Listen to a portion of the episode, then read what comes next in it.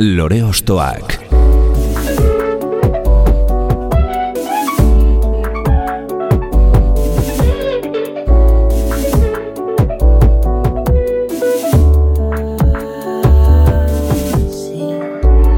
Ekain perezek aurkeztuta, gonbidatu bakoitza lore bat balitz bezala ostokatuko dugu. Jakiteko, zeintzuk diren bere lore ostoak. Haupa, zer moduz? Ongi etorri lore ostoak saiora. Gaurkoan, tolosatik heldu zaigu gure protagonista, gitarra distortzio gozoez eta melodia itxaskorrez jantzita. Hainbat taldetan ikusi eta entzuna izan dugu, lehenik deabruak teiatuetan, ondoren bidertzean eta peireman, eta azkenik gaur egungo bere proiektuarekin, birisko kaleratuz. Biak, Puerto de Santa Mariako Paco Lokoren estudioan grabatu eta produzituak.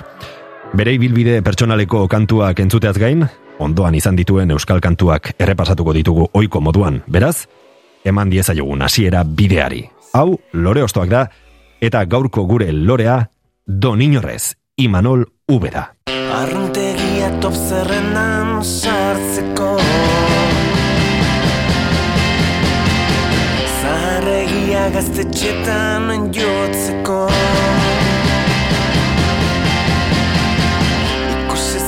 Disko etxetan mana jerrentzat Inorrez bat festivalen antolatzailean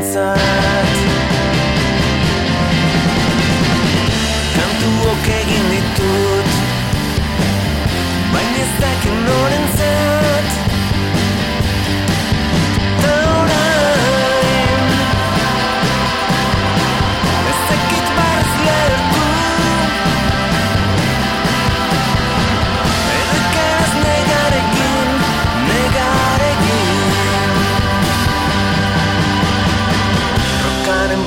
pozoinak kutsetu nau berriro. Gambara beti martxan ez nago etxitzeko. Kantuok egin ditut Baina ez dakit norentzat. Kantuok egin ditut Bala inor bestalean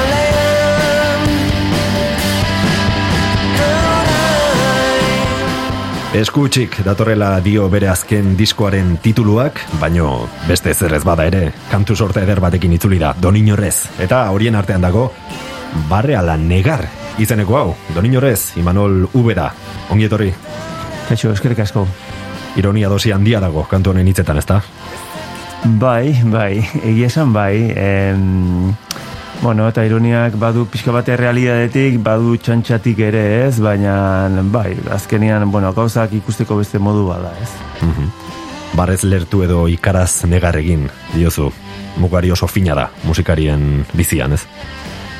Bai, bai, batetik, e, bueno, e, disko berri batekin e, plazara itzuli gara, eta ez dakigu oso ondo ba, jendeak nola hartuko duen, eta dago nik uste gutxi asko denok dauken beldur hori, ez? Duke energia, denbora, ilusio asko jarri zuelan batean, plazara zoaz, eta atera baino bost minutu lehenago ez dakizu oso ondo jendeak nola hartuko duen, eta horrek sortzen dizun barneko zea hori ez, e, sensazio hori ez. Eta gero bestetik, bueno, letra bada parodia moduko bat, ez? Azken batean, bueno, bide luze bat egin dugu musikan eta eta normala denez, ba, beti ezin zera eh, hor eh, tope egon, ez? Eta horren aurrean, ba, bi aukera daude, desesperatu eta edo edo errudunak bilatu hor nonbait edo edo kiroltasunez onartu ba bueno ba izu beti ezin zarela hor eh,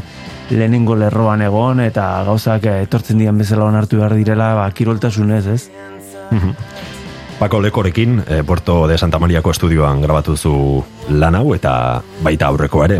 E, nolatan jo duzu Iberiar penintsularen beste mutureraino? Ba, hori eh, Carlos eh, Arantzi da honen kulpantea, ez? Eh, bueno, guk emezortzi urte egin genitun bidertzeanekin eta eten genuenean eh, bidertzenen martxa, ba, bakarkako proiektu honetan, e, bueno, Carlos e, ezinbesteko izan zen, da bera animatu zelako, ba, eman genuen urratxa hau donin horrez martxan jartzeko urratxa, ez?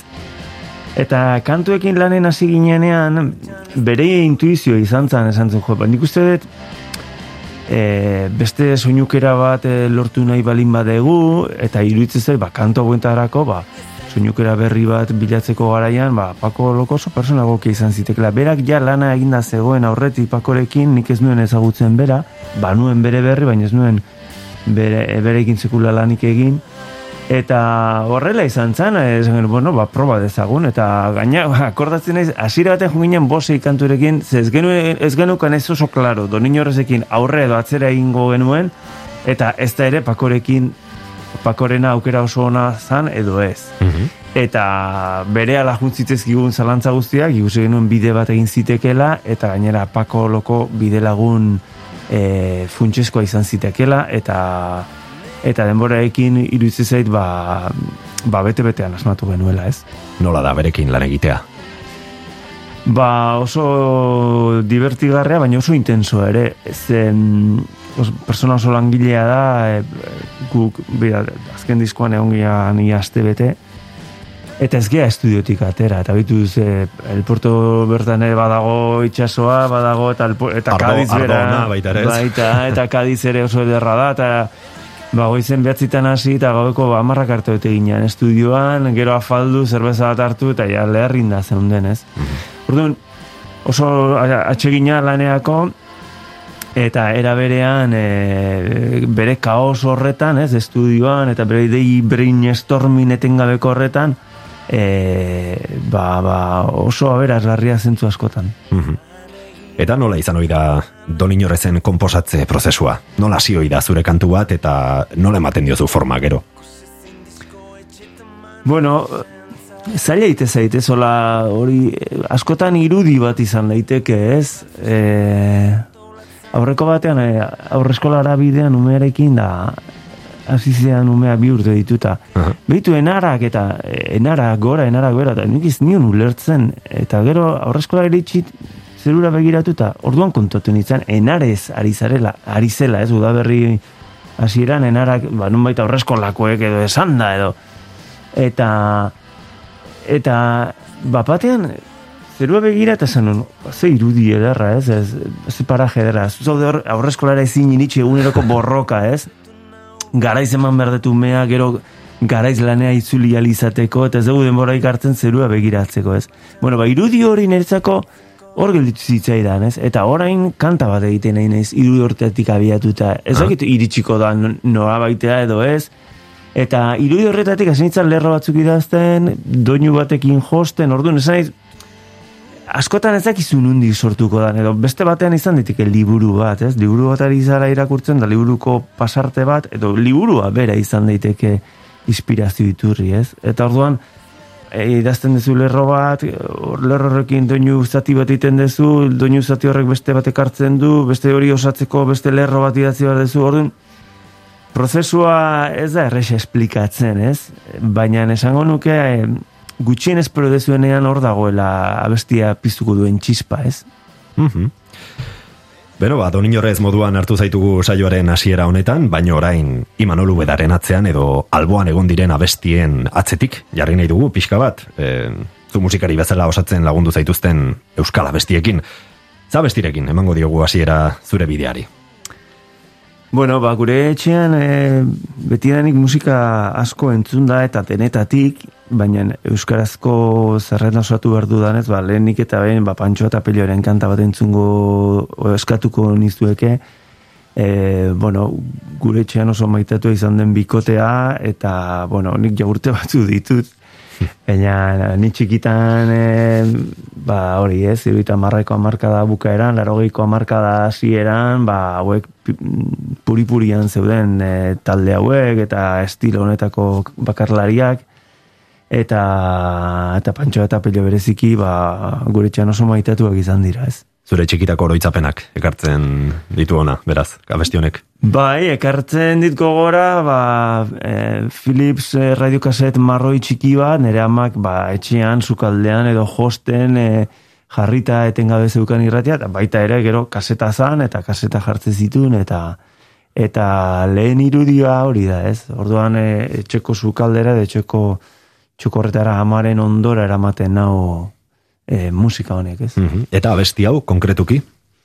Ba, bueno, e, edo zein izan ziteken, ez? E, Pantxoa eta Peloren, e, bueno, kantu ezagun asko ditu, baina duela gutxi, bueno, ezakin nola, aterrizatu nuen berriro kantu hauetan, eta deigarri egin zitzaidan ez dut bilatzen abestia ez, eta, eta ze aktuala dan ez, okerrez banago mila betzen da, ba, pentsatzen bat urte ditun, eta letran erreparatzen badezu, jo, ba, zait oso oso aktuala dala, ez, e, aberatx klaseaz eta langile ez, eta pobrez hitz egiten du, eta iruditzen zait, e, testumurua beste bat izanik ere iruditzen zait eh, oso aktuala dela, ze, bueno, ba, klase arteko arrakala hori gerota ba, nabarmenagoa da, segurazki ba, liberalismo basati honen e, ondorioz, ez? Eta, eta iruditzen zait, jo, ba, orduan deskribatutako argazki horretatik ez gaudela hain urruti, ez? Zoritxar, ez? Eta, bueno, ba, bere hortan hain zarra izanik ere abestia oso aktuala dela iruditzen zaitez. Otxoak bordan otxoekin, gaixo bildotxak oiekin dio, ez dut bilatzen abestiaren esaldi batek, musika ere ere estrapolatu daiteke hori, hau da, handi mandiek esaten digute zer nola eta nondik kontsumitu, edo sortu.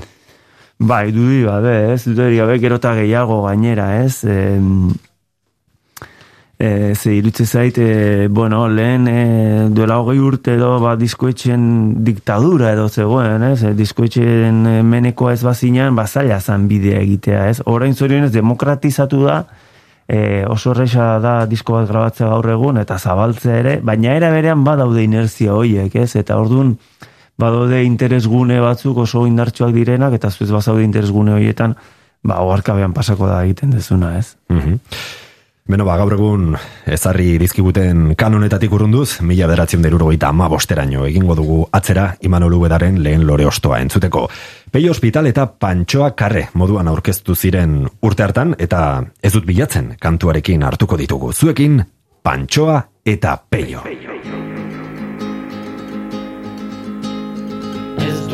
bilatzen aberatzen, bidetarik ibiltzea Ez dut bilatzen handi egin nik jokoetan hartzea. Jende gehienak bezala sortua aita merlugari lotua. Behar dunekin bizitzea hori da neure autua Jende gehienak bezala sortua Aita meludari lotua. Behar dunekin bizitzea Hori da neure autua Jende horo dira behar dun Ukanik ere ontasun Baina naberaz guti hartzen Jende xearen lagun. Aberatzen eskua urrun eltzen Zer nahi nun nahi dinkatzen Gure herriaren geroaz Dute tratu merke egiten Aberatzen eskua urrun heltzen, zer nahi nun nahi dingatzen. Gure herriaren geroaz, dute tratu merke egiten. Otsoak bordan otsoekin, gaixo bildo txakoiekin. Bainan borda zainak nundira, ager ditela harrekira.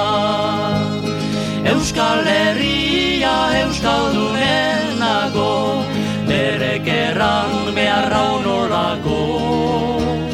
Gaurko gidariek bai dute hori hartu beharko Euskal Herria Euskaldunen nago berek erran beharra onolako Gaurko gidariek bai dute hori hartu beharko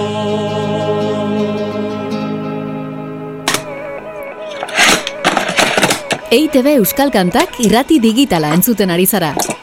Lore Ostoak.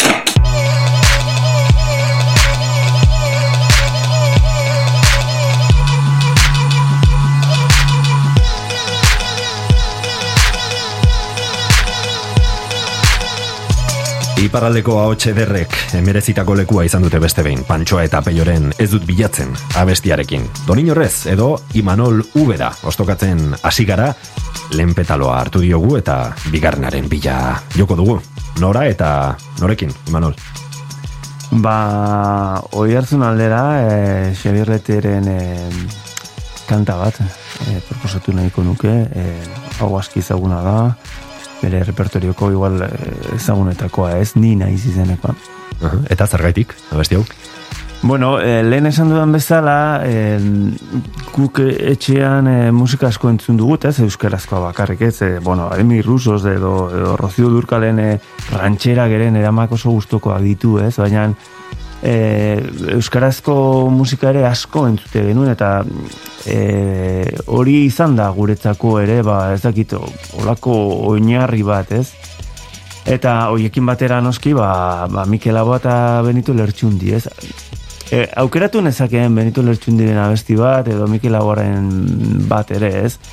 Baina irutzi zait e, denbora askoan e, Xavier Lete erdi baztertuta edo izan dugula, ez? Ja, al, eta hile eta gero edo e, santifikatu dugula non maite da eta, eta lortu dula lehen etzeukan konsensua, ez? Zanet, e, Mikel Aguarekin da Benito Lechindorekin beti gondalako konsensu bat, ez denon e, begikoak, e, denon gustokoak, baina leterekin da pentsatzen eta badakit zergatik ba korronte ba, oso polarizatua izan da gure herria oso polarizatuta egonda, ez? Mm Arrazoi politikoengatik segurazki. Eta sektore batzuetan Xaberlete onda erdi baztertuta, ez? Alik eta edo inekin persori dut, ez? Gero hile eta gero eh, handi gutxira eh, lortu du ba, konsensuri aipatzen dudana, ez? Denon gustoko eta denok bere egiteko e, joera hori, ez? Eta, bueno, azken bi urtetan egon da olako ez dut esango lete mania bat, baina gauza asko egin dira bai. ikuskizun asko, eta... Urte hurrenak direla eta ez? Hori da, ba, bai, hori da. Ba, segurazko erregatik, ez? Urte hurrenen arira egin dira ikuskizun ezberdinak eta posten naiz, ez? Ba, Zikat, aldarrik ze bere kontraesan guztiekin ere, ba, Euskal Kantagintzan, ba, funtsezko artista izan da, ez? Eta ez bakarrik kantagile bezala, iruditzen zaite letra egile bezala ere ba eskol kanta izan dugu letra egile handienetako bat izango dela, ez? Eta horregatik eh, aukeratu dut bere abesti bat. Mm Bai, ez dago gora ipatu beharrik noski leteren hitzek gorderik duten edertasuna edo bere idazteko gaitasuna, baina zure kasuan, e, zuk idazten dituzu abestien hitzak edo enoren laguntza izan ohi duzu? Bai, nik beti eukidete idazteko bokazioa, ez? E, baina egia da, ez zaiter, ez dela lan erresan iretzat, edo e, ez detelako errazkerietan erori nahi, eta eta nik inguruan ditudan erreferentziak segurazki oso oso importantea direlako, eta orduan ez zait erresa idaztea, ez? E, musika eta doinuak egitea erresa egite zai, baina letrekin beste problema batzuk izate ditut, ez? E, inseguridadeak ere, ez bakarrik nola idatzi, baiz zer idatzi, ez?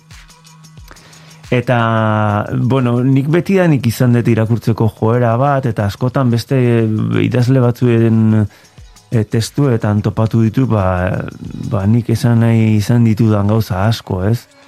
Eta zentzu hortan, bueno, oso eskola importante izan da euskal poesia niretzako eta e, eta bueno, ba bidertzenen, ba ezagik Jose Luis Otamendi bat, ez? Edo orain Donin Horzekin, ba eh Pelio Lizarralde bizarako bitasle baten e, e, testuak e, musikatzen ditugu, ez? Eta, bueno, esango nuke hor beti, e, ba, ja, deabroak ekin hasi ginenetik badaula joera bat, ez? E, gureak ez diren testuak musikatzeko, baina baita hasieratik ere badu izan dugu idazteko bokazioa, ez? Zure barruak jendaurrean erakustea edo biluztea da nola baitez, letrak idaztea horrek dakarrenarekin. Bai, bai, azkenean hori da, ez? E, e, kanta bat egiten dezun aldiro gutxi asko biluzten ari zara, ez? Eta eszenari bai jotzen ari zarenean zer esanik ez, ez? Badago harik eta badu hortik, ez? Baina batez ere nik uste esango nukela kantuak egiten ditugula gure buruarekin hitz egiteko, ez? Hau da, gure burua hobeto ulertzeko edo edo inguruan edo munduan gertatzen diren gauzak hobeto ulertzeko, ez? Edo neri niretzako oso baleogarria izan da, ez? E, ariketa hori ba, nik ditudan kezkak eh hobeto asimilatzeko edo hobeto ulertzeko, ez? Mhm. Bueno, ba, letrei edo hitzei dagokionez, maixu handi batekin elkartuko gara orain, mila bederatzen da irurogeita malaueko Xavier Leterekin bere lan homonimo ireki, eta bertatik entzuteragoaz, iman olubedaren urrengo proposamena, ni naiz.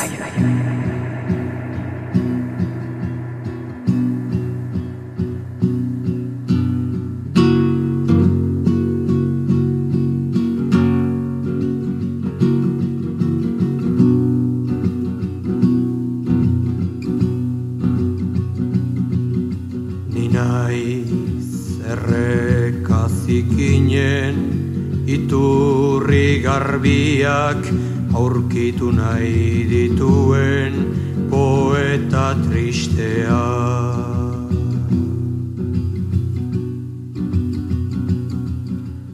Naiz kaletan zehar neguko eguzkitan lanera dijoan gizon bakartia.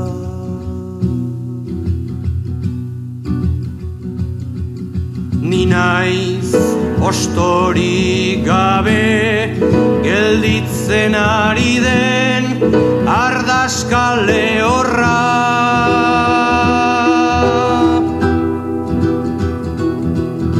Ni naiz pasio zahar guztiak kiskali nahi dituen bihotzi eskorra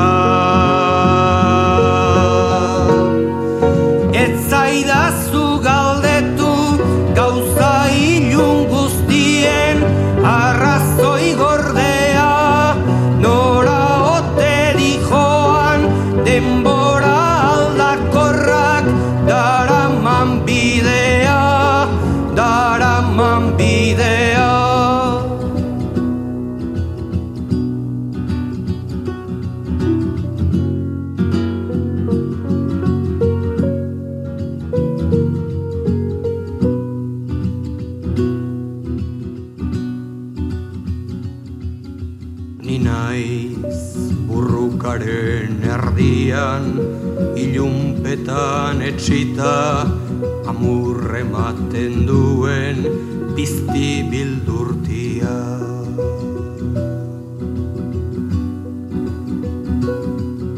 Ni nahi zezer ezetik ies munduaren erdian ezin aurkitutako ametsurrutia.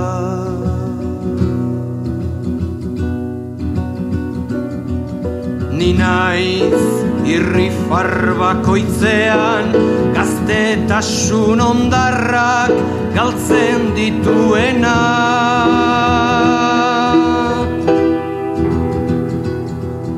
Ni naiz itxasoko aizeak gogorrastintzen dituen lainoen negarra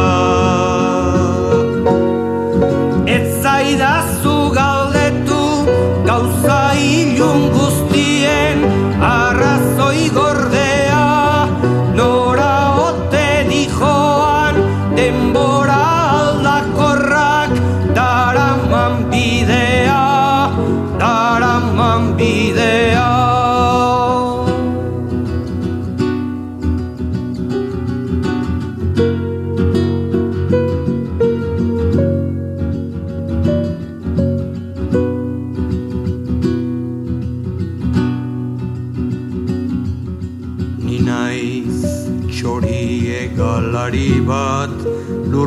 lurtasun zabarrari etxipenez loturik dadukan katea.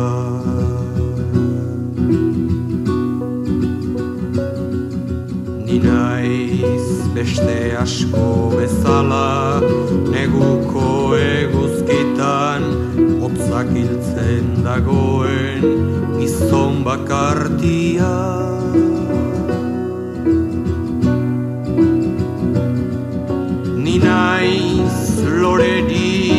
Gabe gelditzen ari den ardaska lehorra.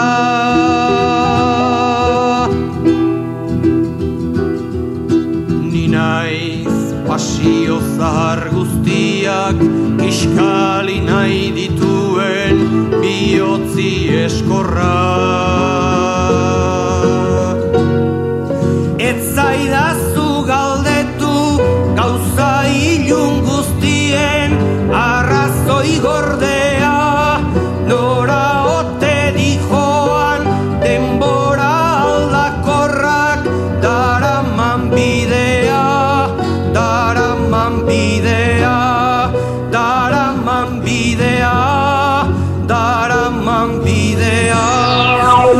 Ekain perezek aurkeztuta, gonbidatu bakoitza lore bat balitz bezala ostokatuko dugu.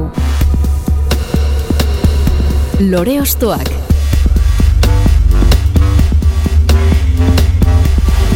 Imanol Ubera tolosararekin elkartu gara gaur bere Euskal Fonoteka pertsonalaren proposamenak ezagutzeko. Pantxo eta Peio eta Xavier Leterekin izan gara, azken honen ni naiz entzun bere dugu eta irurogeita amareko amarka dautzita beste etapa bat irekiko dugu, ezta?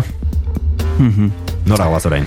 Bueno, ba, ja hasiko gara hurbiltzen gutxi asko gure eh, denean eh, eragin zuzena izan duten eh, eh, artisten gana hurbilduko gara, ez? Eta kasu hontan, bueno, ba, eh, niko txarten abesti bat eh, proposatu nahi dut, ez? Eh, bueno, ba, Euskal Rock and Rollaren eh, aitzindarietako da, beraz, ba, ikur handi bat eta, eh, eta referentzia handi bat, ez? Egia esan, e, gure etxean anai zaharrek, anai arreba zaharrek, ba, bereiek ere zer, zer esan handi izan dute gure formazioan, ez? Eta bereien diskuak entzunez hasi gara gu, eta, bueno, bereien bitartez eh, jaso ditu ba, niko etxar bezalako erreferentziak, ez? Eta Eta, bueno, ba, iruditzi zait, e, ez dakit behar bezala baloratzen dugun zer nolako artista puska dukeon, ez? Eta mm, duela bir urte gainera zuzenean e, aritu ziren tolosan, plaza berrian, eta iruditzi ziren izugarrizko kontzertua, eta bereziki berak, eszenarioan, e, iruditu zitzaidan benetan e, rock and rollaren izar baten aurrean nengoela, baina zentzu guztietan, ez bakarrik posean baizik eta benetan e, hori ez e, Izaera hori, figura, eta, no? figura bat figura baten aurrean, ez? Eta iza- izan da nik azken aldean ikusi neten kontzertu honenetako bat, ez? Eta txundituta utzi nuen duen, nik aurretik ere miresten nuen, baina geroztik beste modu batean ikusten dut, ezagik dutzi zait, ez egula behar bezala baloratzen, ez? Eta, bueno, proposatu nahi duan kanta, e, twistiti ez da igual akaso bere ezagunena, ez? Baina Bai. guk, Peire Mansekin azkeneko reentre horien genuenean 2008an, kontzertu guztiak bakizu musikariok askotan zer egiten dugu, ne? kontzertu hasi aurretik jartzen dugu sintonia moduko bat, kanta Bai, bat, bai, eta bai. gero bukaeran beste kanta bat, ez? Eta hori oso ohikoa da biratan, ba, hasieran pixka girotzeko jartzen dizu kanta bat, eta gero bukaeran beste bat, ez? Baina, amait, festa amaitu dela era esateko moduko bat. Eta guk e, Piremansekin eh, emanaldiak twistitik kantarekin bukatze genituen, eta gero osten arian tonto naite genuen pixka bat, ez? Eta iruditzen zait, e, ba, e, rock and rollaren aintzindarietako bat ez ezik, twist musikaren aintzindarietako bat ere badela, ez? Edo, e, rock and rollen azpi estilo horretan, Bai. ba, ba, perla e, izugarre hundia dela kanta. Badu giro pikante bat, ez? Bai berak eta bai Bai. abestiak, ez? Bai, eta gero berak ere e, bueno, beste, gara, beste garai batean, beste modu batean, baina sexualidaderena ere Hori da, beti hori da. landu du bere e, hitz jokoen bitartez eta bueno, gero ere berak abesteko oso bueno, abesteko modu ere oso aipagarria da, ez? Erregistro asko egin ditzazke, baina izan daiteke biurria, baina izan daiteke rockstarra handi baten moduan ez du dezake, badu hori, paleta hori oso zabala du, ez? Eta orduan, pixka sexu kontuak eta hola erdi zea jolasti badaki izaten eta badaki paper hori egiten eta badaki transmititzen, ez? Abesten, ez? Eta eta nik uste ere badagoela hori, ez? Mhm. Parisen urte mordoa igaro ostean bertako soinuaren eta jarreraren jabe eginda itzuli zen Euskal Herrira, horrek suposatu zuen iraultzarekin ez, gure herritxiki honetan eta garai hartan, ba, esan dezakegu rollaren aitatzat kontsidera dezakegula gure herrian. Ba, nik, nik esango nuke baietz, ez? E, egia da, bueno, rock musikan, ba, badau dela beste referentzia batzuk ez, igual ezin dituguenak aztu, eta igual lehen xogokoak dirala ezakite, ba, errobi eta olako taldeak, ez? Bai. Baina rock and roll bezala eta eta rock and roll rock and roll star bezala, berak dozkala osagi guztiak, ez? Mm -hmm. Mila beratzen da laro iruan, kaleratutako tumatxa disko erraldoiak askorako ematen du eta beste behin bertako kantu batekin ekarriko dugu gurera niko etxart xiberutarra. Ritmau burua galtzeko musika ipurdia mugitzeko. Hau da, Twist Titi.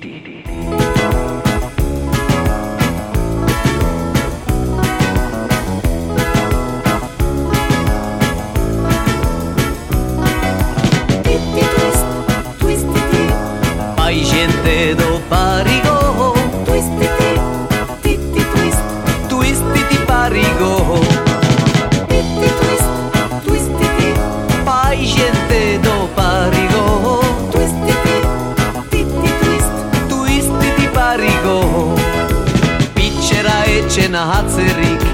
Txitik haitatu gai hartan. Ez mozkortzia Ez mozkortzia. Bea jintzen Parisetik Gure eskual herrira bertan Eta erantzian, uff Hau bai bizitzia. Titi twist, twist titi Bai jente do parigo Twist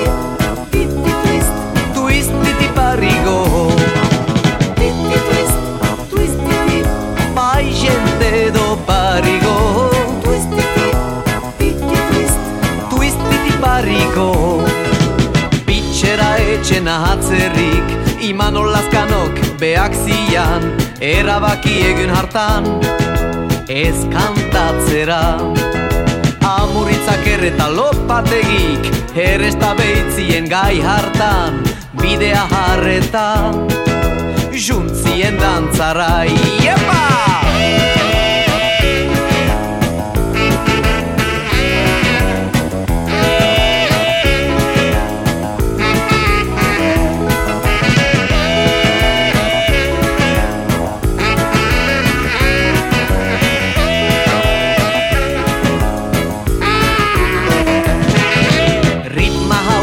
Buia galtzeko Musika ipurdia mugitzeko Korpitzen izerdiak Dantzaren zorak.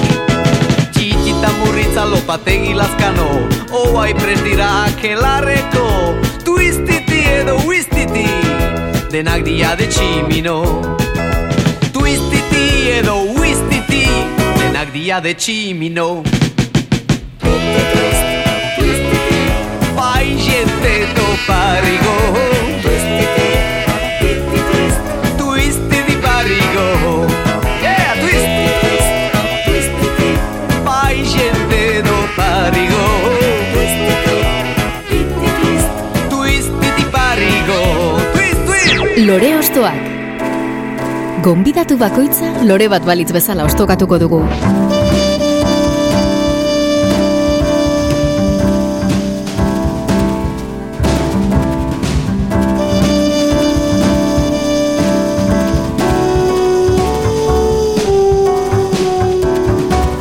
Michel Duko eta Anje Dualderen errobi taldearekin batera Niko Etxart izan zen mugaren beste aldetik Euskal Rokari bidea ireki ziona eta ondorioz demoraren poderioz talde asko sortu ziren gerora, bakoitzak bere ukitu pertsonala gehituta noski. Gero aipatu beharra dago, bueno, behin baino gehiagoetan aipatu dugu saioa, baino eh, Niko txarten sonoridadea, ez? E, garai hartan nola ze sonoridade zuen eta bertako instrumentuak eta... Bai, bai, bai, izugarria, e, musikalki ere maila hondiko artistak, ez, bueno, Robi aipatu duzu, ba, ba, ba garaia hartan, ez, e, egiten zuen e, estilo hori nola zan rock, e, Bai, progresibo... progresibo hortan, jo, ba, zen, zen maila zuten musik, musikari bezala, ez, eta eta niko etxart berak, ere, ez, e, a- gainera, bai Michel Duko, Anjedu alde, eta niko etxart irurak, musikari oso onak, baina irurak ere ze kantari onak. ez? Hori da, hori da. Oso kantari onak, ez, eta eta eta bueno, bat, e, twistitik kanta honetan e, netzeko deigarria da bukaran dauen saxo saxofoi hori mm -hmm. zein darra ematen dion abestiari, ez? Eta irutzi zait e, ez dela askotan ematen hori, ez? Hau da, beti egonda rokean e, e, aize sekzioetara jotzeko joera, ez dakit beti asmatu dugu, baina irutzi zait e, abesti honetan, eta ez dakit zein dan saxofonista behiratu beharko nuke, irutzi zait, ematen diela abestiari ba, kriston indarra, ez? Eta eta irutzi zait hori, ez? Ba, ba, ia perfekzioaren zean dago dela, ez? Bai oreka hortan, ez? Saxofonista eta eta bestia, ez? Aha. Rokaren bideari hasiera eman zioten, gero talde asko etorri ziren, zuek tartean, eta e, orain zerekin joko dugu, edo ze, ze taldek e, eman zion bideari jarraipena kasu honetan. Bueno, ba, e, guretzako balerdi balerdi taldea e, oso talde maitatua izan da, ez? E, garai batean, eta ari naiz ja, ba, larogeita marreko amarkada hasieran edo larogeiko amarkada maieran, e, ba, pop taldeak ez ziren oso ohikoak, ez? Edo eta rock, e, rock talde, e, rock pop talde melodikoak, Bai. ba, ez zuten oso prensa ona eta eta ez zian ohikoak, ez? Orduan e, punk mugimenduak oraindik e, indarrandia zuen, eta gero bestela zeon, ba, ba, ba folk mu- musika, ez? Eta hor erdibidean e, e, ez zeuden olako referentzia asko, ez? Eta balerdi, balerdi izan salbuespenetako bat, ez? Eta em, guri, bueno, guri pop musika naia bizkari eta bioi beti erakarri gaitu asko, eta guretzako bere indiskoak zidan olako arribitxi bat, ez? E, gure hizkuntzan ari zirelako gainera, eta euskeraz ere egin zitekelako, ez? Orduan oso gertukoak egite zitzaizkigun, ez? Eta guk zorionez, e, ba, dauroak telatu eta enekin e, hasi berria ginenean, ba, balerdi balerdikoekin hainbat kontzertu egiteko aukera izan genuen, orduan, ba, gertutik ezagutu genituen eta askoz maitagarriagoak egin zitzaizkigun, gu baino adinduagoak ziren, baino asko lagundu ziguten, eta beti egonda e, bai ba, goñi anaiak, edo Toño Muro, edo Zara, edo Blanca, ba, balerdiko eta deabrokekoen artean ba, horrelako ba, ba, ba, laguntasun bat, ez? Mhm. Power pop doinu freskoekin, Iruñako eta orokorrean Nafarroako estenan sekulako garantzia duen taldea da. Ziurrenik inoiz merezitako jartzuna jaso ez duena, baino musikazale askoren belarriak asetzeko gaitasuna izan duena. Hauek gainera, bueno, esan duzu zure generaziotik gertuko daude ez. Bai, egia esan bai, ze e, gu baino lehen hasi ziren musika egiten, bueno, gainera ja ibilbide luze bat zeukaten, ez? E, motos da beste talde batzuetan ibilitakoak zeuden bai Marino Goñi eta bai e, Toño, baina balerdi balerdi hasi zianean ere, ba, gu orduan hasi ginen, ez? Eta hasiera hortan guk lehenengo disko atera genuenean ere, beraiek ere orduan atera zuten uste dut bigarren diska edo orduan horregatik, bueno, Naiz eta bereik adinez nagusiagoak izan ibili nahiko paraleloak izan ziren balerdi balerdi eta deabroakenak, ez? Eta guk deabroaken, bueno, hor hardcore e, kutsuko abestiak eta bagenituen, baina ja bazeuden power poweraren e, printza batzuk, ez? Deabroaken da guk atzeingo bagenu eta e, ingo bagenu pixka bat ikerketa txiki bat, dia, diabroaken ikusten dia gerora bidertzean edo Bai. edo donin horrezen e, zantzu batzuk, ez? Nola oroitzen duzu, deabroak teiatuetaneko garaiura. Ba, oso oroitzapen edarrak ditut, ez? En, ezakit, en, bueno, gu azkenean lagun talde ba ginen, ez? E, ba, ikastolan elkarra ezagutu genuen, eta musika zalea ginean, eta pff, genuen e, trebezi handirik musika jotzeko, baina gogo handia genuen, eta eta egia esan, ba, e, ba, lagun talde asko bezala hasi ginen musika egiten, baina gero askotan ba, hor bidertzean gelditzen dira inoiz baino beto esan da, ez? Taldeak eta gero jendeak beste afizio batzuk hartzen ditu. Guk, ez dakit, enpeinua eh, jarri genuen eta aurrein genuen eta gero ba, ezagutu genuen, ba hori, ez, e, oso garai ederra, ez, eta musika talde asko ezagutu genituen, kontzertu pila baten genituen, e, mundua deskubritzeko, Euskal Herria beste modu batean deskubritzeko aukera eman zigun, ez? Bidaiatzeko aukera eman zigun, eta beti esan dut, musika dala bidaiatzeko netzako itzakirik ederrena, ez? Eta orduan, e, e, eman zizkigun oinarri asko, ez? Orduan ezagutu denuen pixka bat musikaren munduan nola zebilen, eta gerora esperientzia hori guztia oso oso oso importante izan da, ez? Eta gero ba, bidertzean eta don inorrez ere oso importantea dira nire ibilide personalea, baina karaino berezia diot deabroak teliatu edan taldeari ze, bueno, ba, e, oraindik lagunak ditudan e, personekin abiatu genuelako eta ba, denaren abia puntu izan zelako ez. Thank.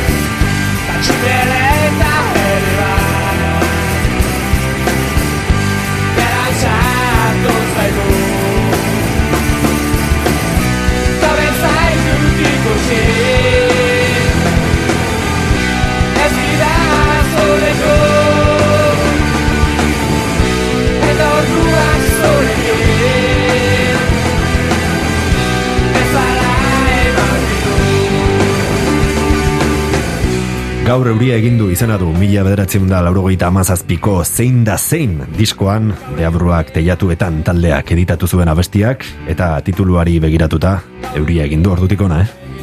bai, desente. E, ba, irudi ez ez, baina, klaro, ba, orain atzera eginez, ba, ja, azkenean, joan den mendeko kanta Hori da, hori da. Ja, horrekin dena esan da, dago, ez? Bai, bai, egia esan bai, eta kurioso da zen igo, ez dit hain urruti ikusten, baina bai, urteak ez dira alperri pasatzen, ez? Mhm. Testu inguru horretan, laurogeita amarreko amarkadan ezagutu zenuen beraz balerdi balerdi taldea, e, beraiekin jo zenuten, ez bait? Bai, bai, bai, egin genituen, eh, kontzertu batzuk, e, nik uste, e, egin genitula pare bat eman aldi. Aha. Eta, bueno, jute ginen behien bo- kontzertuak eta ikustea bere gure gera ere, baina, bai, koinzitu genuen, bai. Euskal Rock erradikalaren ondorengo generazioa izan zineten, agian? Edo austura hori, edo bueno, beste bide bat hartu zuten e, talde multzoa. Bai, bai, esango nuke baietz, ez? E, gu hasi ginean hori da, nik uste gero hor belaunaldi berri bat etorri zan, ja ez geneuken San Benito hori, ez? E, naiz eta kontestu soziopolitikoa etzan oso desberdina, ez? E, baina bai, nik uste dut e, ja zigilu, bueno, e, diskoetxe mundu ere aldatzen hasia zegoen, eta gero oso kuriosa da, baina RRV-tik eta ipurdian zuten hoiek ez zuten gustoko, ez? eta gainez, ba, kortatu eta olako talde Bai, eginez. ie- ies egin nahi zuten, bai, ez? eta era berean, e, gero, kagu kazetaria gea eta guri etiketak a, a, gauzak asko errezten dizkigute, ez? RRV edo RRV Bai. bai. asko esaten zute, ja, kokatzen zu denbora, garaia eta estiloa, ez? Baina, bai, nik uste, e, ondorengo belaunaldia izan ginela, baina, bueno, e, beste, beste iturri batzuetatik ere edate genuen akaso, eta, bueno, beste kapen bat etorri zala, ez gure gakin, ez? Honet, gure belaunaldiko jendeekin, hain naiz esan, akax bat eh, dut, eta bestelako taldeekin, uste, beste, beste musika estilo batzuk e, urbildu zirela gurera, ez? Beno, balaro eta amareko amarkada erdialdean, deabruak teiatuetan entzun dugu, eta orain, mila bederatzen da laurogeita amalauean, ez gara galdu diskoarekin hartuko ditugu balerdi balerdiko lagunak. Non duzu zauria, izena duonak. Zauria.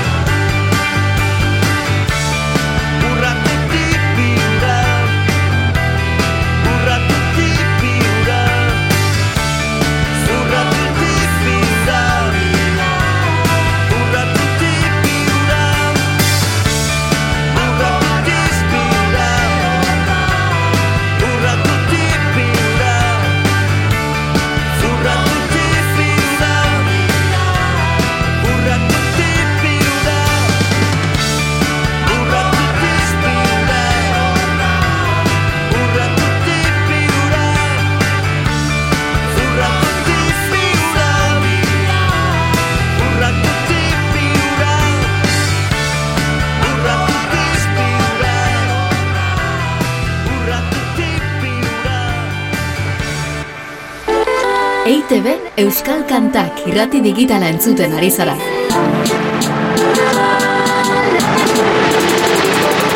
Lore Ostoak.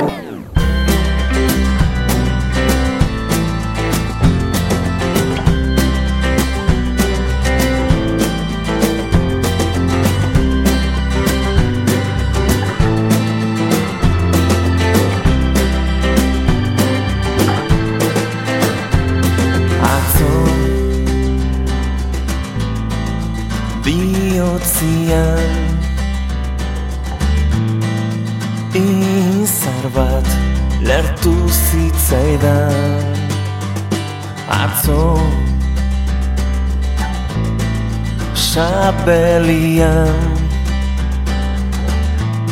Amets egin zen Gorputza Atzokoan, atzokoan. Izar lertu zitzaidan. Atzokoan sabelian Amets egin zen Gorputzan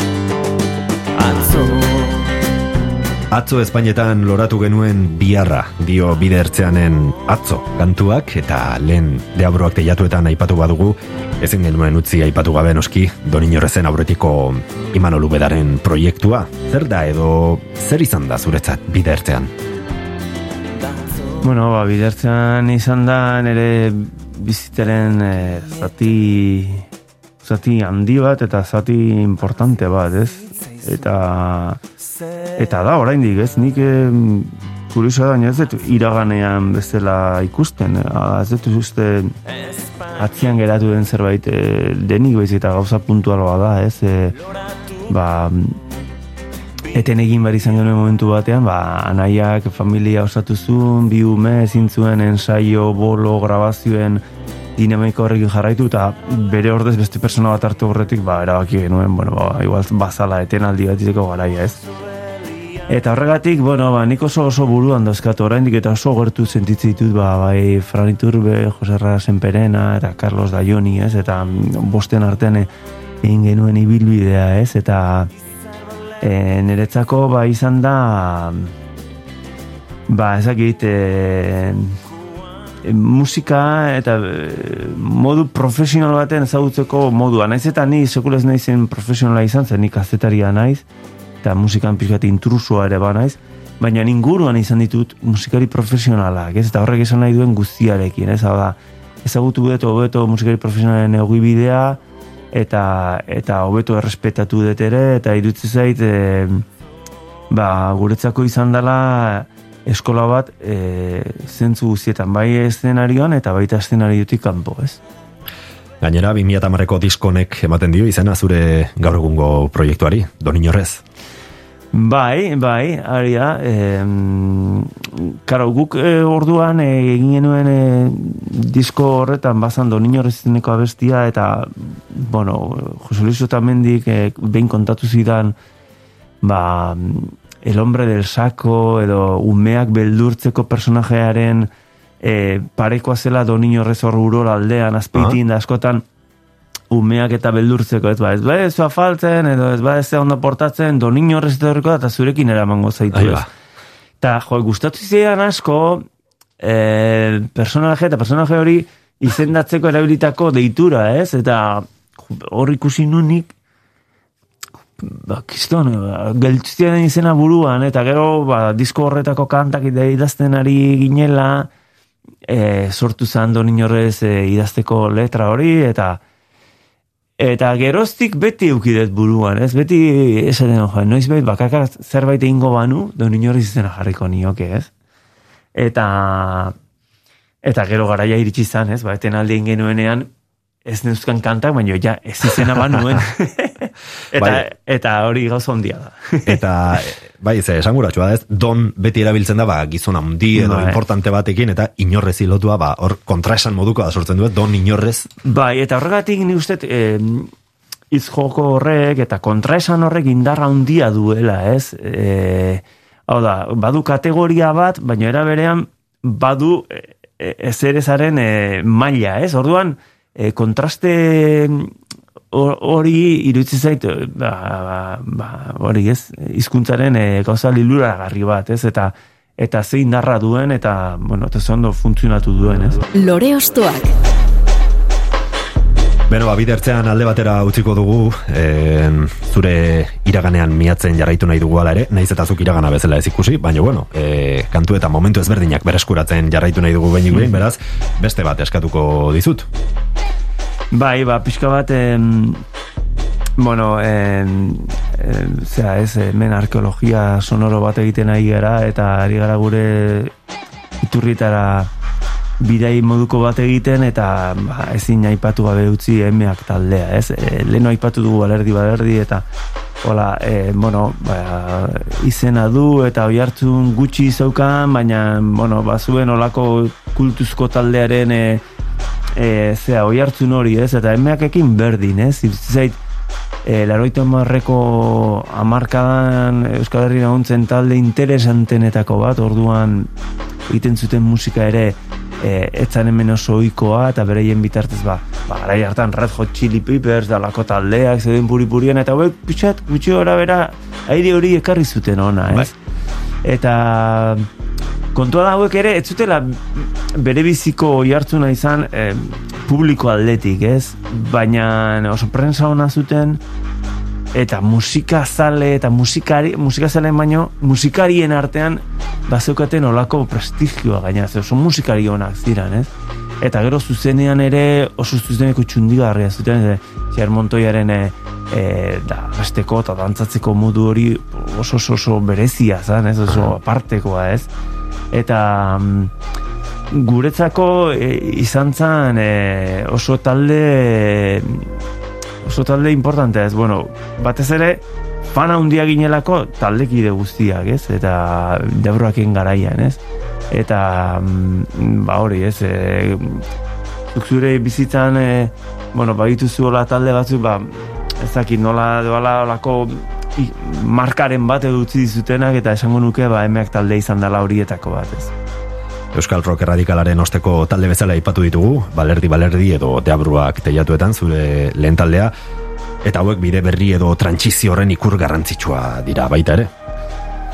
Bai, nik esango nuke baietz, e, beste lako musikare egin zitekeela azalera zuten, da benik uste gainera, ba, rock radikal basko delakoa ja indarrean zenuen sortu zen talde izan zela. Egia da, lehenengo, lehenengo diskoa, lehenengo bi diskoak experimentalagoak zirela, hor igual Angel Katarainen Katarainere taldeko kidezan hasieran eta orduan bere presentzia askoz nabariagoa zan, ez? Eta gero ja bihurtu zen gehiago rock talde, bueno, formazio aldetik behintzat, ja askoz, bueno, estandarizatuago edo, baina, ba, e, oraindik e, ba, rock radical delako hori azkenetan bazen ere oraindik ba, bazuen hori hartzun handia, ez? Eta hauek ekarri zuten beste aire bat, ez? Eta beste e, beste sonoridade bat esango nuke eta letra aldetik ere beste zerbait, ez beste zerbait ez berdina, ez? Ba, hor, ba, ba, Montoiaren e, e, idazteko modua beste, besteak beste, baina baita ere, ba, bakaki eta Mikel Irazoki bezalako ba, musikarien e, ekarpena, ez? Etzian beste taletan ikusten zen dituen musikariak, ez? zait, e, musikalki bazutela beste zerbait eta eta gauzak zer diren, ez? Ba, batzuetan oso musikari honak elkartza dituzu, baina ez da ezer gertatzen, eta buen artean ikuste sortu zutela olako e, kombo emankorra, ez? Emankorra, ze egin zituzten oso disko onak, naiz eta ez oso jartu handia izan e, kuantitatiboki, baina kualitatiboki irutze zait e, Euskal Herrian egon den talde interesgarrienetako badela. Bai, zerbait berria aportatu zuten, ez? Bai. Aipatu zuret Hot Chili Peppers, bueno, e, e, funk kutsuko basu bai, hoiek, ez, gero e, Montoiaren jarrera e, hitzak, bai. baiz, beraien artean zerbait berezia sortu zuten, ez, bai. azken finean. Eta, za bestiak are diguzu?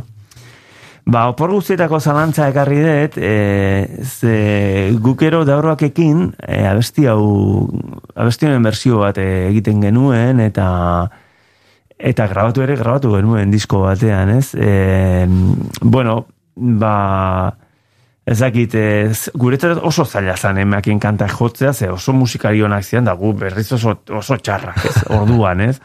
Hasi berria ginean, eta ez genuen instrumentua behar bezala menderatzen, baina baina kanta hau bazan gure moduko abesti bat, gu jotzeko modukoa, ez? Eta eta orduan, ba, bueno, bere, bere keinu, egin, keinu bat egin nahi genuen, ba, pentsatzen nolako fanatikoa ginen, eta horrela e, moldatu genuen abesti hau, eta, eta bueno, ba, horregatik ikarri nahi zen ez gogora, ez?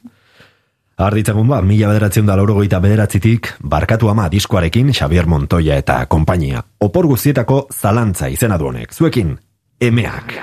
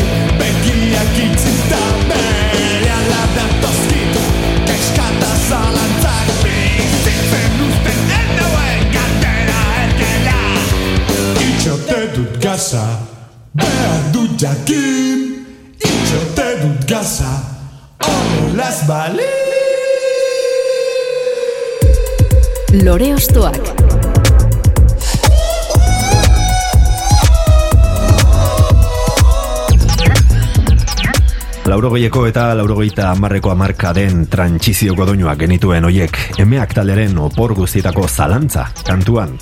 Ez zen izan masetara iritsi zen taldea, baina zalantzarik gabe gure herrian arrasto sakona utzi zuen, batez ere hortik aurrera etorriko ziren musikariengan.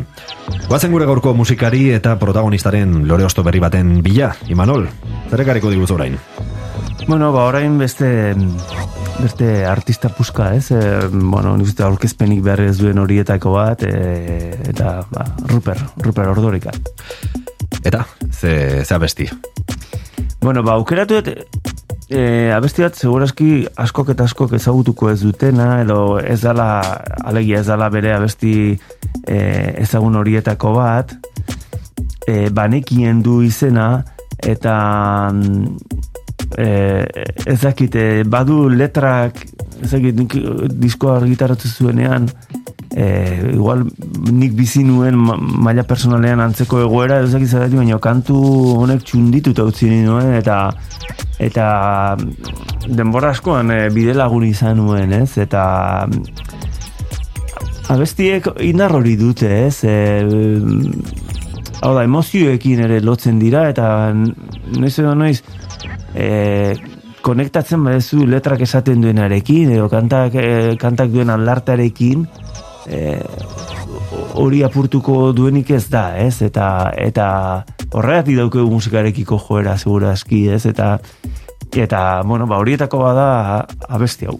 Mhm. Ez da erreza Ruperrena bezalako ahots pertsonal bat izatea, ez? Hau da, Ruper entzun eta segundo batera badakizu bera dela. Bai, e, oso oso kantaera e, kuriosoa duze badu antigualeko zerbait klasikoaren zerbait esango nuke, baina bera, era berean oso modernoa da ere, ez? Da, beti iruditzen zait ez- e, Euskal Herrian egon den e, tipo modernoena. Ze, Nueva Yorken eta beti ibili da urrats bat lehenago, ez? E, guain oso ohikoa da, baina gara hartan ez zain, oikoa, ez, kanpora atera. da. Eta beti iritsi zait zentzu horretan, ba, e, bere kantaera oso klasikoa izan daitekela, e, baina gero soinukera aldetik beti, iruditu zait jakin duela garaian garaikoetara egokitzen, ez? Eta bere arean igual, eukiko zuen kutsu folk bat, eta ez du jo muzin egin sekula horri, baina era berean e, jakin du e, garaiko soinukeretara hurbiltzen. Eta are gehi esango dizut nik uste dut e, jo ba diz ba azkeneko 10 urtetan Wilco ba kiston oi hartu izan du. Ba nik Ruperren disko batzuetan eta eta berezik produkzio batzuetan ikusten dio eta arrasto hori. Eta ez azkenekotan ja dola 10 urteko eta orduan dut zait berak e, e, oso adi jarraitze ditula egungo zeak eta bereziki ba estatu batuetako ze horiek eta Bai. Eta igartze zaiola, ez, abesti batzuetan eta horregatik iruditzen zait e, miresgarria, ez, beti etengabe e, eraberritzeko joera hori, ez, naiz eta ez azaldu, baina igartze zaio, ez, igartze zaio badakiela egokitzen, ez. Aha. Eta pertsonalidade edo talentu horren atzean, ze punturaino uste duzu dela em, prestatze lan bat, ikerketa lan bat, edo ADN-ean datorren zerbait?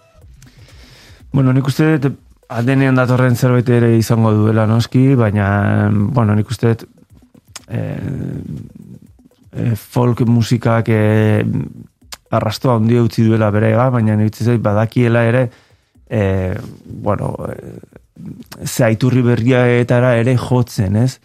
Eta gero, hori guztia kokteleran sartu eta asmatu du berea propioa den zerbait egiten, ez? Hain zaila dena, ez? Hau da, e, zurea, zure propioa den zerbait, ez? Ez asmatu gabe ere, e, e, lehen aipatu ez, bere hau jarri eta bere badakizu bere dala, ez? Ba, kantuekin berdin, ez? Ba, e, e, uste dut lortu duela zigilu propio bat, ez? E, Hau da, estilo propio bat egitea, ez? Eta ez da gauza erresa, ez? Eta uste dut denboraekin e, lortzen den zerbait dala, ez? Trantsizioa hitz egiten ibili gara lehen, eta Ruper ere ikur bat da, ez do kamairuren osteko loratze musikal horretan. Odeien azpian, 2000 eta amaikean, artista oinatiarra kaleratutako banekien kantua da, jarraian entzungo duguna. Hemen dator, Ruper Ordorika.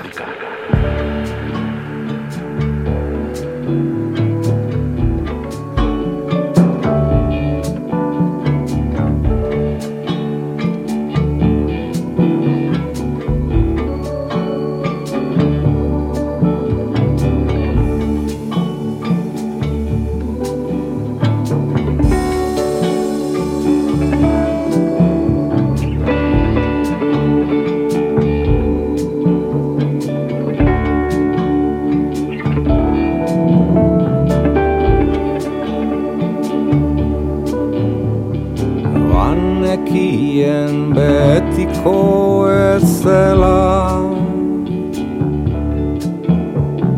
Mila aldi zentzun izan dut hori. Banekien inun ere ez dela. Arantzarik gabeko arrosarik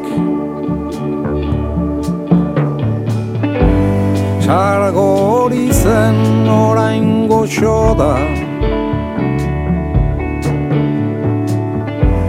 Lambrua zen orain argi. Mineman badizute zartu goguan. Ez dut inoren kalte izan nahi Orain ondo nabil Zatoz nirekin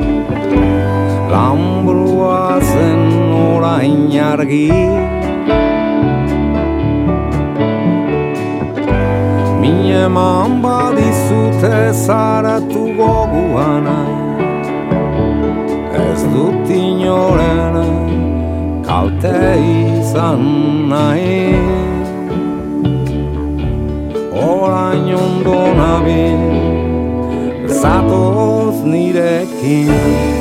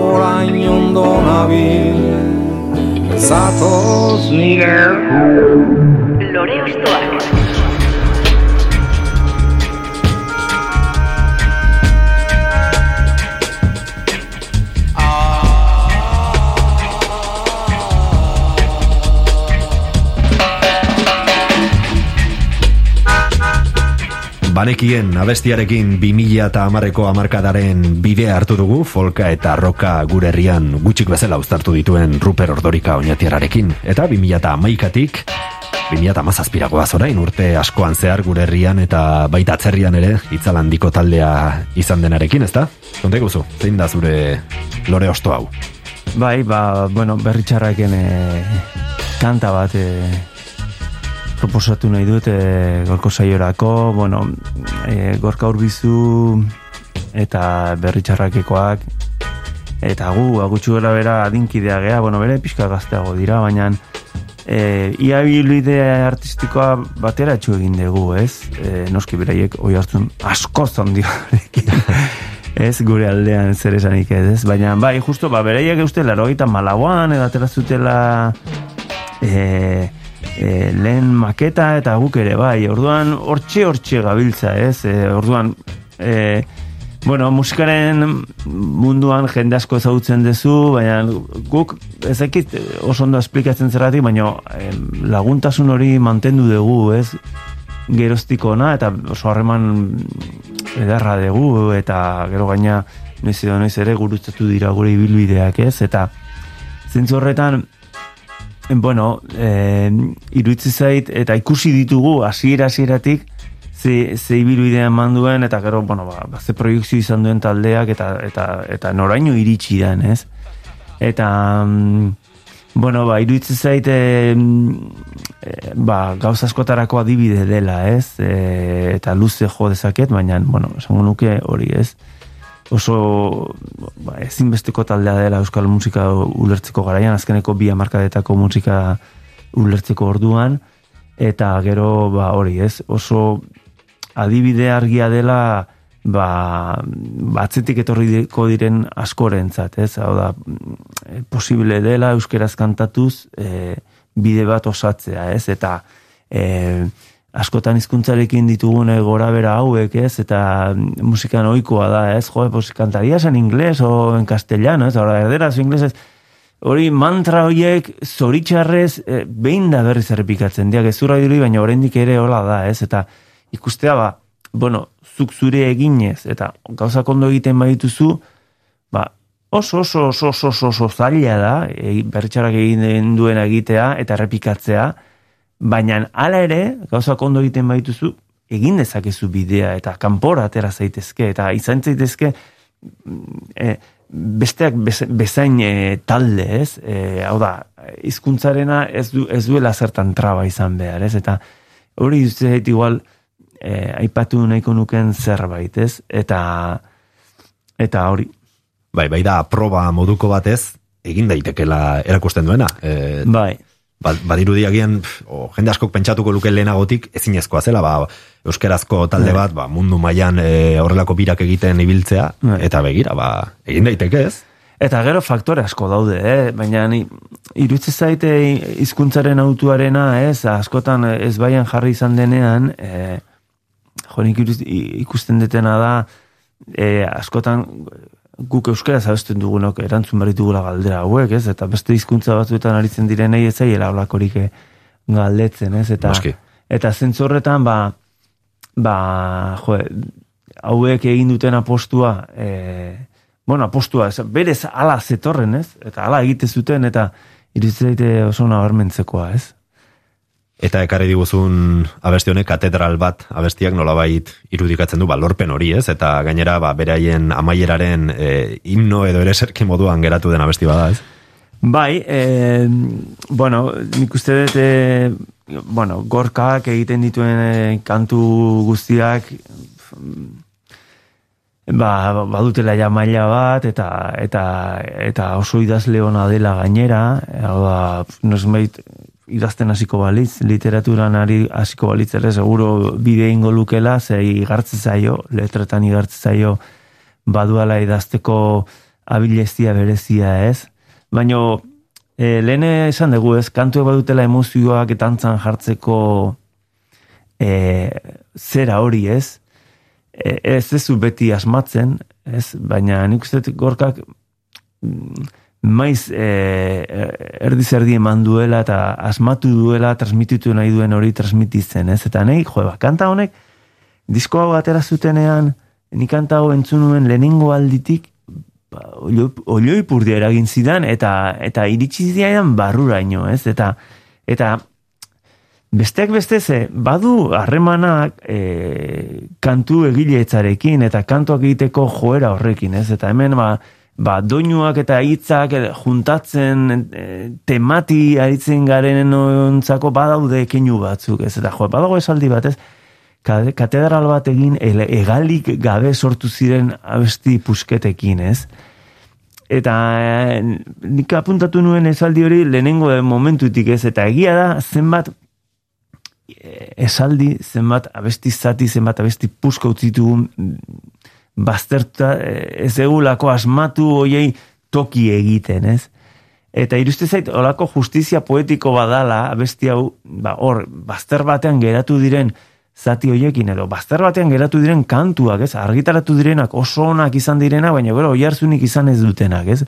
Eta iruste zait, ba, keinu hori e, horrekin laburbiltzen duela pixka bat, e, kantu egile batek dozkan ezintasunak, ez? Askotan egindakoa zitziten da, eta normala da, ez? Baina, ez zuk aur- aurkeztu dezun lan horren atzean geratu dira gauza asko bukatu gabe utzi dituzunak, edo asmatu ez dezuna bukatzen, ez? Eta, eta e, hor, igual horregatik egin zitean kanta hain hain gertuko, ez? Uh, ofizioa hitz egiten duelako, eta ofizioaren B alde horretaz, ez? Mhm. Eta gorka horbizu aipatuta, eta zu hemen egonda, hau ere entzun behar dugu.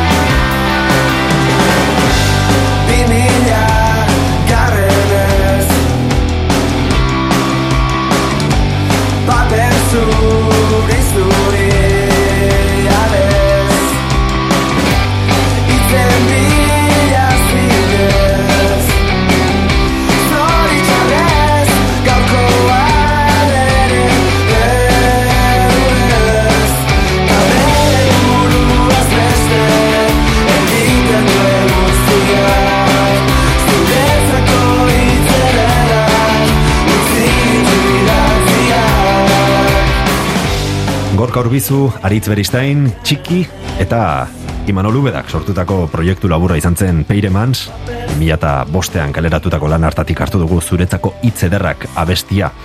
Nola edo nolatan sortu zen Peiremans? Ba, mm, jo, ba, egia esan, oso, oso xelebra da historia, ze, bueno, guk, eh, garai hartan, eh, ba, bonberenean tolosan maiz ibiltze ginean, eta harreman estua genuen bertakoekin, eta gauzak zer dira, hau etzan izan gure ekimena, ba, goratzen, dut, e, ba, nahi bizkiak, jonik eta patxi ba, bonberenako ekide batek e, proposatu zigutela gorkari eta bioi, zergatik ez ez elkarrekin nolako zerbait egiten. Hala, etzan guregatik sortu ideia, baizik eta izan zen olako amu bat, ez? Kanpotik etorri zen. Kanpotik egin ziguten olako proposamen erdi serio, erdi broma, baina, baina hola, e, e, baina formulatzeko garaian elkartu egin gintuzten, eta eta, bueno, e, ba, zalantzari gabe, baietz esan genuen, gainera, nik uste, guk, ba, lehen esan dut, ez, e, guk, bueno, bideide gera, adinkidea gera, eta gutxi asko bidea elkarrekin osatu dugu, ez? Eta, bueno, nik uste, nik baietz esan nuen, ze, ba, ba, jo, beti da plazera handia beste musikari batzuekin elkartzea eta beste zerbait egitea, baina pentsa ba, gorka urbizu bezalako persona batekin, ez, ja, orduan ere bakizton talentua zuen, ba, guen pentsa ez. Eta, eta bera ere bere ala animatu zen, nik uste berak ere bazuela zerbait egiteko gogoa, ez, gainera, bueno, zu talde batean zaudenean, ni orduan bidertzean egoen bea berritxarraken, eta, bueno, ba, dituzu, ba, ba, zure, ez, ez, ez, ez time minori, ez, ba, Dinamika eh, batzuk, dina- dinamika batzuk, efectivamente, ba, ensaio batzuk, ja badakizu disko bat atea zu burrengoa noiz ateako edo, ja bira bat, edo kontzertuk, tal, eta, eta gauza ederra da, bakoitza bere proiektuan oso gustora geunden, baina, o, hau zan ez dakit, ba, ba, arnaz hartzeko beste modu bat, ez hau da, e, e, gainetik biderzenekin nik edo berak bertxarekin zeukan presio hori pixkat kendu, eta guazen zerotik astea zerbait, ez? Eta inungo e, handina hiri gabe, hau da, egin dezagun zerbait, gauza txiki bat, egin ditzagun lau bost kontzertu, baina batez ere, ba, hori, ez, gehiago, ba, ondo pasatzetik, ez, ezer lortzetik baino, ez, azkenean gure asmoa etzan, e, talde, denboran iraungo zuen talde bat egitea, baizik, gauza puntual bat, ez, orduan, igual horregatik gauza puntual bat zanez, asko gozatu genuen, hasieratik, ez, ba, lehenien saioetatik, grabaziotik, eta egin genituen kontzertu apur batzuk egin genituen. Egia esan, 2000 eta bostean, Piremansekin e, diskoa eta genuenean, da, emanaldiak egin genituen, bazakit, bost pasei emanaldi, eta etzan alako zeharik izan, ez? Etzun horrelako, bueno, kontzertuta jende etorri izan, baina etzan izan olako fenomenoa, ez? Baina gero, 2000 eta ja, berritxarraken fenomenoa zan, izugarria, Bai. gorka urbizuren e, magnetismo hori ere ja puri-purian zegoen, eta orduan 2008an rentre edo itzulera hori egin genuenean, eta bueltatu ginenean izan zen Eromena. eromena. Gotzen, e, da badaban egin genuen lehenengo boloa, eta ja, agortu zian, e, ordu gutxitan, e, Durangoko plateruenean ere, Bilboko kafe antzokian ere, eta izan zen, hola, ezin ulertu, hola, nik uste gorkak ere etzuela espero hori, ez, eta eta hor bi fenomeno eman zian, ez, lehen aipatu da, ba, urbizumania hori, eta berritxarrakekiko za hori, hori bat, eta oso importantea, eta gero bestetik, e, gu ez ginen konturatu, baina 2005ean egin genuen disko horrek bere bide egiten jarraitu zuen. Noski. Eta kantu horiek, Atzetik, ez? Bai, eta kantu horiek bizirik jarraitzen zuten beste batzuen e, e, buruan, ez? Eta orduan, e, guk jakin gabe penemaz hasi egin zan. Eta orduan, gero, bueltatu ginen 2008an, ba, jendeak e, abeste bazek izkin, eta orduan guretzako izan zen, txundigarra izan zen fenomeno bat, guk ere es, espero ez genuenea, ez? Eta orduan, gero, ba, hor, horri pixkat eh, animatuta, esan genuen, bueno, ba, igual eh, grabatu ditzagun beste boskanta, eta utzi ditzagun, be- utzi ditzagun beste arrasto hori, ez? Eta orduan izan zen, urte hurrenaren bueltan, bueno, ba, egin dezagon, eh, egin ditzagon hiru lau bolo, eta bat batean hartu zuen lako hartzuna, gu ere animatu ginen, eh, hartu genuen bakoitza bere proiektuetik denbora, eta egin genuen beste maxi bat, beste boskantuz osateko beste disko txiki bat, eta gero hori aurkezteko ere egin genuen beste bira txiki txiki bat, eta hor arte, ez? Eta egia esan, em, e, nik asko gozatu dut, e, iruditzen zait e, izan dala opari bat, ez? E, ez hainbeste, ba, oi hartzun hori eukitzea eta jende pila baten aurrean jotza, bizik eta opari bat izan da, jo, ba, amar urte eta gero berriro txikirekin, marino goinirekin eta gorkarekin e, elkartzea, e, filin eder hori berreskuratzea, e, amar urte atzeragoko ilusio hori berritzea, e, bere hortan da, ba, laguntzarrekin elkartzen zean bezala, ez?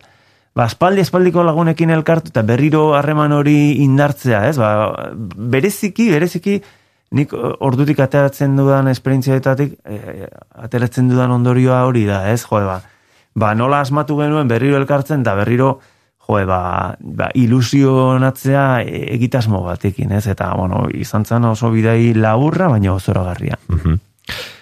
Gitarra astindu eta ikusi kanturik baduen hor nonbait ezkutuan, dio gorka urbizuk aukeratu duzun katedral bat kantuan, e, ze sentsazio polita den hori ez, musikari ororentzat e, bide edo abentura berri batean murgiltzea zoazenaren sentsazioa.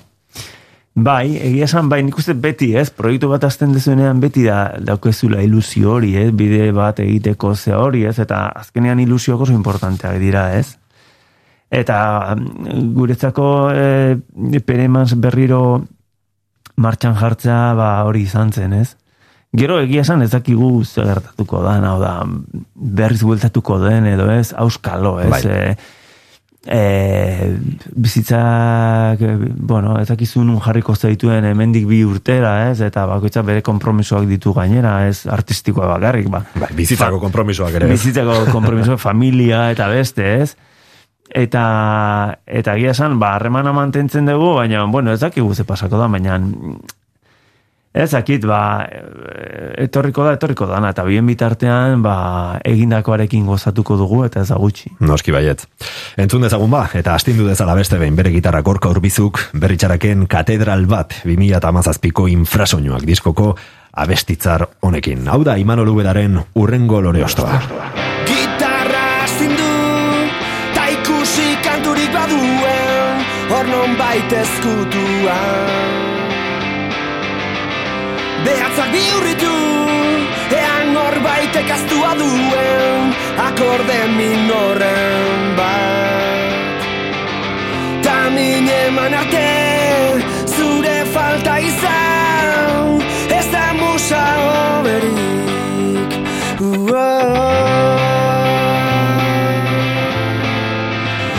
Katedral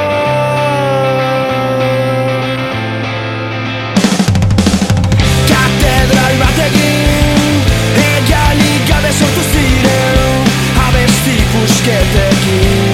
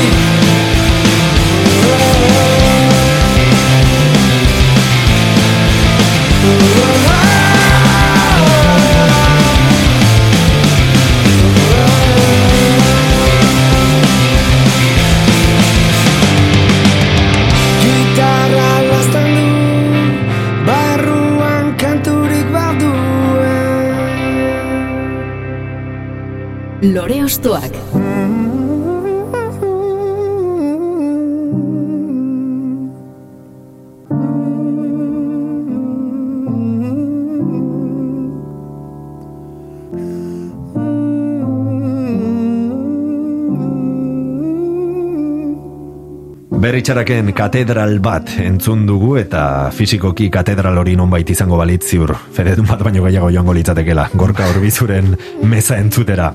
Guk dena den Imanol Ubedaren proposamenak entzun nahi ditugu gaur eta azken lore ostoaren txanda da dagoeneko. Zarekin bukatuko dugu, Imanol? Bueno, ba, mm, proposamen berri bat ekarri nahi izan dut, e, esan ezin du izena proiektuak, eta hemen atzian dago e, Janire Arantzabe kantari gazte bada. Eta, bueno, nik kasualidadez, bueno, berekin batera dago Oriol Flores bateri jolea, e, uste dut ekoizle lanak egin dizkiola, eta bueno, bateria ere jodu Oriolek e, esan ezin e, proiektu honetako kantuetan.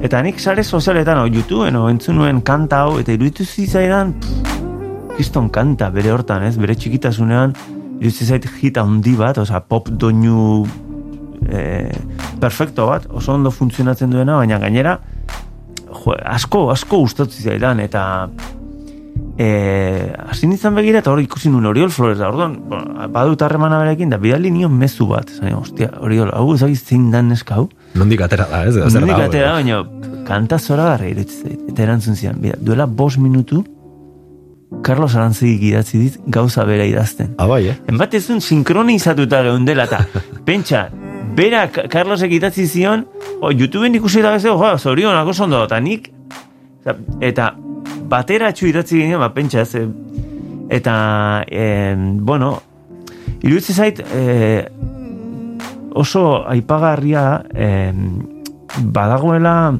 badator aldaketa bat, ez? Hau da, eh, estena oso oso oso maskulino izan da denbora askoan, eta iruditzen zait azkeneko iruz pala urtetan eh, eh, aldatzen ari dela hori, eta gainera eh, ez dela gauza puntual bat, iruditzen zait eh, aldaketa aldaketa baten atarian gaudela edo ja aldaketa bete-betean eta aipatu nahi ditut hor bueno, bonik Janire Arantzabaren esan ezin proiektua ekarri dut, baina ba, Sara Zozaia, Idoia Zurmendi, e, Olat Salvador, Izaro e, bera. Izaro bera, Izaro bera noskit, igual Izaro izan da gainera pixkat aurrekaria, Bai. baina azkeneko hiru lau urtetan ze proiektzio hartu duten, ze posizio hartu duten, ze gaina, eske ez da gauza puntual, ze hor jarraitzailea dauzkate, eta ze ikusgarritasuna eh, hartzen ari diren, eta ze ikusgarritasuna ematen nahi zaien, atzetik etorriko dien beste emakumezkoei, ez? Horregatik,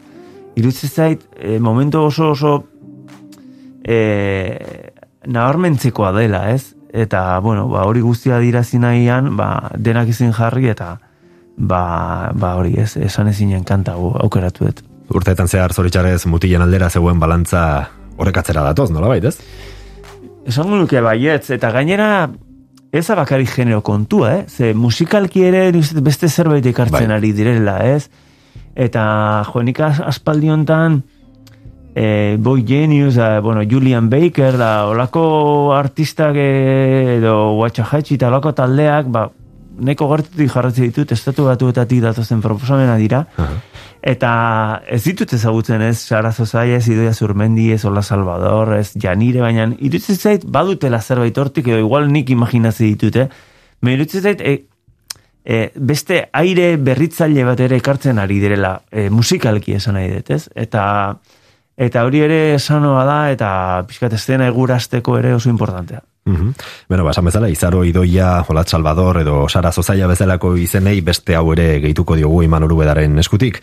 2008an crowdfunding bidez finantzatutako proiektua da, Janire Arantzabek sortutako esan ezin, eta Izaro edo Idoiaren bateria jole izandako Oriol Flores Kataluniararen laguntzat sortu zuen aireratzen 2008 batean kaleratutako diskoa. Kasu honetan, Leire Leturia, lain taldeko parteideoiarekin batera dator, proiektuari izen ematen dion abestian. Esan ezin.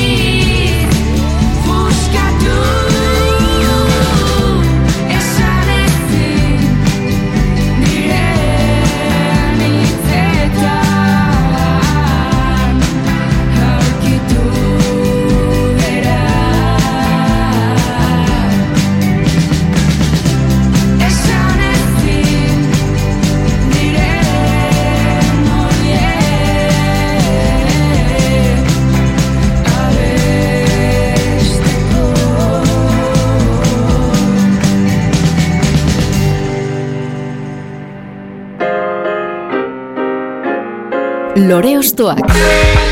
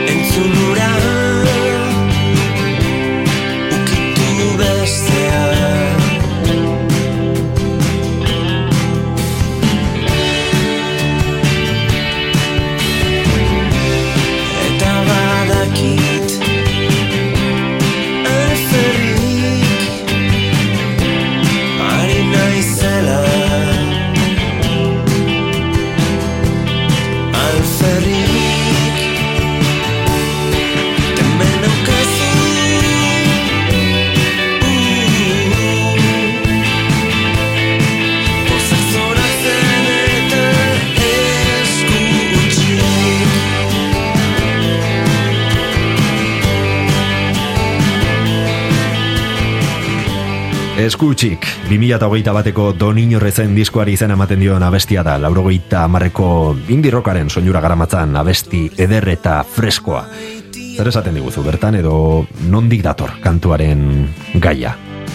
Bai, Pello Lizarralderen e, opari bat. E, bueno, alaba jaio zanean, e, idatzi zidan inbile batean letra bidali zidan desantzian baitu, ba, hoi da zidet, e, gustuko badaizu, ba, bekanta bat ditu oso ondo ez badaizu gustuko, ba, bota zakarrontzia eta ez da zer gertatzen, ez? Eta hori da Pellorekin daukadan harremanean ontan e, gauzarik ederrena, ez da hola, holako, ez da hola kompromisorik, ez? Bai. Hau da, e, orduan, Eta hala ere, netzako kompromiso handia da, zenik miresten dudan idazlea da, ez? Eta beti saiatzen naiz, eh, zikira, e, berak egin duen letra horren mailara iristen, ez ba naiz iristen behintzat e, kantua ez da, letra ez da dila bidean galdu, ez? Eta indartuta atera egin zikiera, ez? Eta pixkat alegin horren emaitza da, ez? Eta bueno, nik uste berak oso oso ondo isladatzen duela letra honekin, ba, pixkat aita izan berritan aitaren auskortasun hori, ez? Ba, nik erakutsi nahi dizut, baina, bueno, onaino iritsi naiteke, eta, ez? Eta ni saiatu saiatuko naiz, ez? Eta gustatzen asko, ez? E, klitxeen gainetik auskortasun hori islatzea, ez? Eta eskutxik e, zatozen e, zea irudi hori, ez? E, aita izan berritan, ez? Dena eman nahi, baina eraberean, ba, gauz hondik ez daukate zui emateko, eta zuk ikasi beharko ez du idea, ez? Eta nik lagunduko zaitut nola edoala, aldudan mm, e, moduan, ez? Eta, bueno, ba, Beitu lehen, e, hemen arkeologia sonoro honetan e, balerdi balerdi aipatu dugu, eta adibidez hemen gitarra hau e, Paco Lokorena da, baina neri ekartzen dit gogora balerdi balerdi den Bai, badu, bai. power pop e, Badu, bai. estil hori eta power pop dizdiratxu hori, ez? Hori Ba, ba, lore etxea eta olako kantuetan badaude, ez? E, e, gitarra horiek, ba, patxi goinik eta zeak egiten zituzten, eta Toño Muro egiten zituzten gitarra eder horiek balerdi balerdikin. Ba, kanta honek, nik uste, e, e, ze azkenean hau pop abesti bada, badauka ere letrak segurazki azkenean zin importante da letra on bat, ez? Eta kasu honetan hala da, eta orduan letrak daukan dizdira hori, letrak daukan optimismo hori, e, indar hori, ba, nola letrak kutsatu du doinua bera ere, ez? Eta gitarra horrek, ba, badauka, ba, hori, ez, baler diren power popen e, aire hori, ez? Mhm. Eta nola moldatzen da musikari bat aita denetik aurrera. Ba, ez da, ez da kombinazio onena, ez? E, zaila, zaila da, ez? E, bueno, lehen esan dut, ez? anai bizkiak bigarren umeukiztuenean, bueno, bere bikotea ere artista mundukoa da, eta orduan zaila, zan bi titiritero etxean eukita, ba, bi ume aurrera ateratza, eta horretik, bueno, berak erabaki zuen bere bidea etetea, eta eta orduan ba, pentsa, ez, ez erresa, azkenean, Bueno, ba, ume batek e, asko eskatzen du bereziki jaio berritan eta lehenengo urtetan eta eta eta musika da ba, ba gauza bat e, desordutan egiten dana, bidaiatze eskatzen duna, etxetik kanpo eta orduan ba ez da erresa eramaten, ez? Baina, bueno, nik uste dut e, aitatasunak ematen dizkizula beste gauza batzuk, ez? Eta eta, bueno, musikarik entzen dizkizun gauza batzuk, gero aitatasunak ematen dizkizu, ez? Orduan, jakin behar dezu, e, oreka hori mantentzen, ez? Eta, ba, eta batez oso importantea da, jakin behar dezu egokitzen. Badakizu horrela dala, eta Bai. orduan bolada batean behintzat, ba, ja, lehentasuna ez da zure musika, kasu hontan, zen ere ogibidea ez da musika, eta lehentasunak beste batzu dira, ez? Hori da.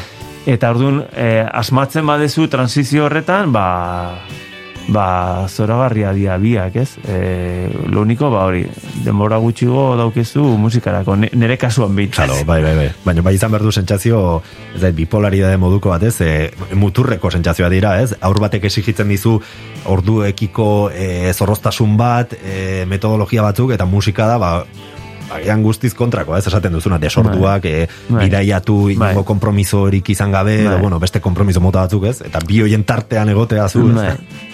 Bai, hori da, azkenean batek e, oso bizimodu rutinarioa eskatzen dizu, eta besteak berriz, ba, e, noiz nahi sortu daiteke kontzertu bat ezakinun, eta Hori da. eta hori, ez, eta igual goiz goiz eta oso oso berandu etorri behar, ez.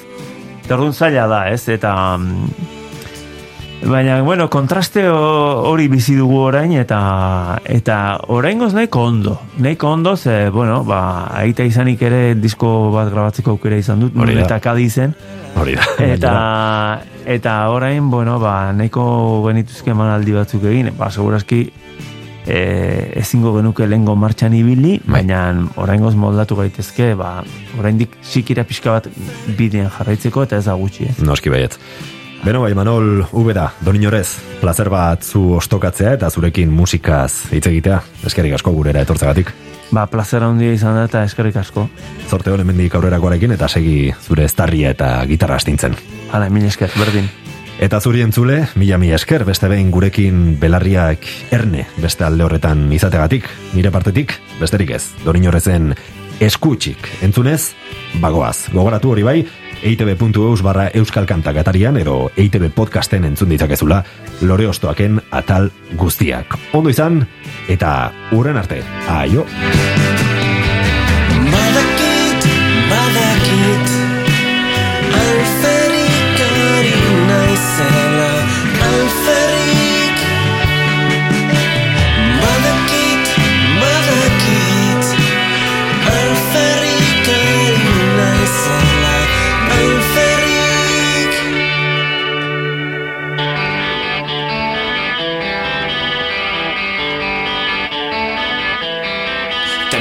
Cause